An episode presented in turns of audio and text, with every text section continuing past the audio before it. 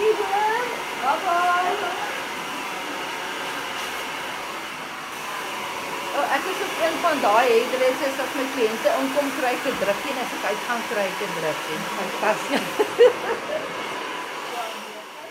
Vandag kuier ek in Randstraat 52 Salon Petit by Adriana Robinson, alom bekend op die dorp as Tannie Ari. Dit is hoe ek haar leer ken. Dis nou al jare lank.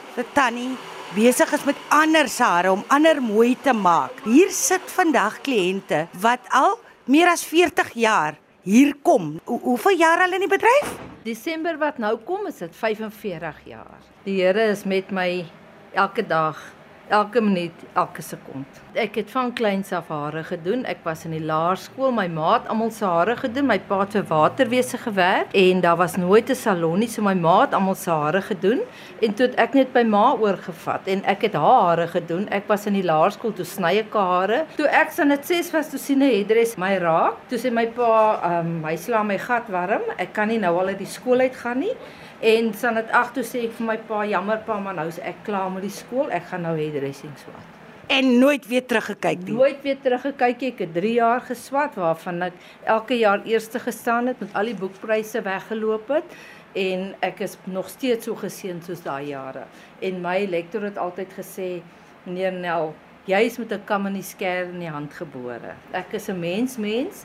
Um ek wil net hê altyd almal moet gelukkig wees. Tannie Elsbie Sales, sy word 88 en sy is 243 jaar 'n kliënt van my. Dan sit tannie uh, Teresa Marcus hierso, uh, my ou sweetie paai. Sy is al 44 jaar. Desember is dit 45 jaar 'n kliënt van my. Daar was moeilike tye, nê? Albei tannie se ouers is oorlede aan kanker en dan weet jy self van die stryd. Kom ons gesels daaroor. 25 jaar terug, toe vind ek die Vrydag nadat ek die donderdag my hande op een van my kliënte se skouers gesit het wat gehoor het sy het klierkanker en vir haar gesê het die Here sal niks op jou twee skouers sit wat vir jou te swaar is nie. Ontdek ek hierdie klein knoppie soos 'n ertjie in my nek en toe ek by die kerk kom die Sondag, dis daai daai ertjie so groot soos my palm van my hand. En ek het net daar vir almal gevra bid vir my, bid vir my asseblief. Dadelik die spesialis gebel my seentjie 'n dag voor sy verjaarsdag is ek toe George en toe dokter Marits my sien toe sy dadelik hierdie ding moet dadelik uitkom. En hy het my half laat verstaan daar's kwaad maar ek het vir niemand gesê nie. Langs storie kort te maak is ek toe op my seentjie se 10de verjaarsdag het hulle klier uitgesny en dokter Marits sê vir my ag moenie worry nie man. As jou kind by die huis kom 12 uur is jy weer terug by die huis Ek is 8 uur in, 12 uur toe kom ek eers uit teater uit. Hy sê toe vir my daai klier wat buite was, was net so groot binne toe. En dit is 'n baie delikate operasie want in jou nek kom al jou fyn ehm um, senuweetjies bymekaar. In elk geval, ek is toe geopereer en um, my seerste operasie my hele lewe. En my seentjie was 10 en my dogtertjie was 13. En my skoonma daar ingeloop want ek het 'n paar van my skoonsussie se hare gedoen. En sy kom in en sy sê vir my en het jy al nuus gekry? En ek smile ek sê ja. Sy sê o dan sit seker skoon. Ek sê nee dit is kwaadaardig. My skoonma kyk my so maar haar gesig sal ek nooit vergeet nie. En dan lag jy nog Wat kan ek doen? Ek het ja. klaar, klaar met die Here vrede gemaak. Wat op my pad kom, gaan ek vat. Ja. En ek het daai dag agter die die toonbank gesit en ek vir die Here gesê, Here, hier gee ek my vandag vir u oor. My kindertjies is klein, ek wil hulle sien groot raak. As ek dit nie maak nie, ek is reg om huis toe te gaan. Maar as ek dit maak, is ek jou nar en ek gaan voluit leef elke dag. Hoe was die herstelproses? Dit was baie erg. Ek het die rooi chemo gekry. Daai jare gee hulle vir jou 'n sak van 'n liter op 'n slag en ek was maar baie skraal. So hy het vir my geklap dat ek 'n week in die hospitaal gelê het. Daar was 'n stadium wat ek gedink ek gaan dit nie maak nie. En dankie Here ek het weer daar opgestaan en ek is deur 6 van hulle. En ek wil sommer vandag op die lig sê, In daai jare het almal gepraat van die Red Devil. Drie keer daarna wat ek chemo gekry het, het ek in die plek waar ons gesit het in die chemokamer, het mense weer gepraat van die Red Devil. En ek het daarvoor almal opgestaan baie kwaai. En het gesê ek wil dit nooit weer hoor nie. The Red Devil. Hoor wat sê jy vir jou? The Red Devil running through your veins. You must say this is the blood of Christ running through your veins. Want jy vertrou dan hierdie chemo en jou dokters om jou gesond te maak Absoluut. saam met die Here. Ja. So hoe kan jy praat van the red devil as daai chemo die rooi chemo vir jou gaan gesond te maak?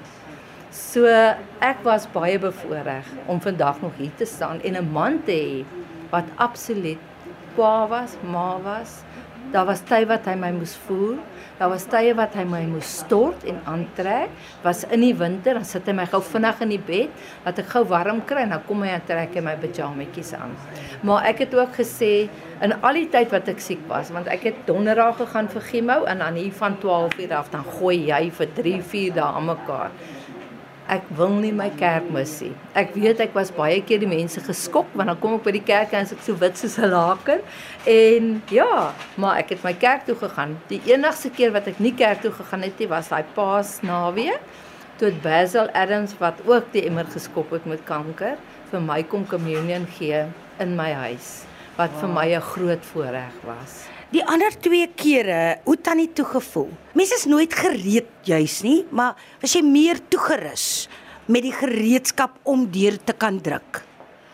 Die skok is groot want jy jy glo mos jy's nou gesond en as jy vandag teruggaan dan besef ek soos hulle vir my gesê het die tweede keer was dit 'n graad 4 se kanker. Ek het dit eers geweet. Ek het nie belang gestel ek het net geweet ek gaan gesond raak. So dit het ek nou eers nou die dag ontdek toe ek met die dokter gesels want ek het my ou dokter dokter van Heerden terug wat my en my ma se onkoloog was en sy is 'n ongelooflike mens. Mm. So toe het ek nou bietjie so vrae gevra en daai tipe kanker het nooit in my bloed opgetel nie. So hy moes uitpop dat ek weet daar's iets fout. As jy nou vandag moet raad gee vir mense wat daai pad nou stap. Wat sê sê tannie Ari? Vasbyt, glo, vertrou en die Here is elke dag daar vir jou. Weet jy wat is wonderlik hoe my familie, ons is 5 kinders, ons is baie na mekaar. Ehm um, my kliënte is my familie want dis die mense wat vir my gebid het. Dis die mense wat my gedra het. Ek sal nooit vergeet ek was eendag lus vir 'n lemoen. En ek sê vir Mike, want hy vra vir my waarvoor ek lus en ek sê vir hom, "Ek is vandag lus vir 'n lemoen." Die volgende oomblik toe loop een van my kliënte met 'n sakkie lemoene van die plaas af in. Sy het nie geweet nie, maar God het geweet. Hoor jy wat ek sê? Dit soos my hele journey was met kanker, wat ek later in my lewe ontdek het, ek het net altyd alles aanvaar.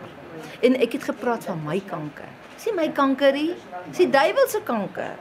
Nou 4 jaar, 5 jaar terug, toe was ek weer vir my check-up. Ek gaan ek was nou op elke 3 maande, toe elke 4 maande, ek is dankie Here nou op elke 6 maande.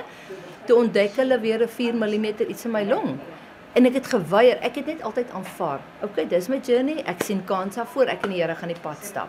5 jaar terug, toe hulle vir my sê as 'n 4 mm iets in my long, toe weier ek om dit te aanvaar. Toe loop ek uit, toe gooi ek my hande op in die lug en ek sê Here, daai 4 mm behoort nie aan my nie. Dit behoort nie aan U nie. Vernietig dit, verwyder dit. En ek het teruggekom huis toe want ek het 'n video gekry van 'n van 'n professor oor dagga blare eet. Die ander goed het nie met my gewerkie. Dit sit my op 'n trip en laat jou sleg voel. Ek gee vir mense bome, hulle kom pluk takke. Ek ja. maak dagga tee en saam met die Here, ek noem die dagga boom boom van God in die naam van Jesus en die Seun en die Heilige Gees. Dis hoe ek leef. En elke keer as ek communion ontvang, voor ek dit inneem, dan sê ek, "Dankie Jesus dat u bloed en u liggaam my bloed en my liggaam kan skoonmaak en skoon hou en gesond hou." En ja, nou gaan ons mos nou die naweek um, Mosselbaai toe waar ons nou uiteindelik ons um 2022 Cancer Hero of Hope Ek is die survivor en Mike is die carer. Ons is die eerstes gekies in die Klein Karoo. Toe die vroutjie kom en sy my die eerste keer hoor praat, toe sê sy ek moet jou inskryf en ek gaan doen baie praatjies of hope. Dis my lekker. Toe sy nou vir my sê sy het my nou gehoor praat en gehoor wat ek van Michael sê, my man wat so 'n ongelooflike persoon en 'n mens is. Ons is vriende. Ons is nie net man en vrou nie. Dis my best friend. Toe sê sy sy moet ons inskryf. Toe sê ek vir haar maar Adri, nee man, ek ons sou nie van skok die mic nog minder. Sy sê ek is jammer, ek moet julle inskryf. Daar was nog niemand gewees in die Klein Karoo wat gewen het nie. Einde Februarie toe kry ons 'n WhatsApp wat sê baie geluk, julle is Kansa Heroes of Hope 2022. Hoe het jy gevoel tannie? Ek het dit nie verwag nie, want ons storie het Johannesburg toe gegaan en toe sit Amerika toe. So ons is uit Amerika uitgekies. Dan ten laaste wil ek net hoor tannie Ari, waarby leef jy? Wat is jou lewenslese? Wat hou jou aan die gang? Liefde, liefde van familie, vriende, kliënte, my man en natuurlik God. En ek is so bevoorreg om 5 kleinkinders te hê wat hulle dink ek is hulle maatjie. Dis hoekom ek so maar is want ek hardloop my boude agter hulle af en ek geniet elke oomblik want die Here het my 25 jaar gespaar om elke sekonde en elke minuut te kan geniet. So dis my lewe. Lekker. Leef om te leef. Fantasties.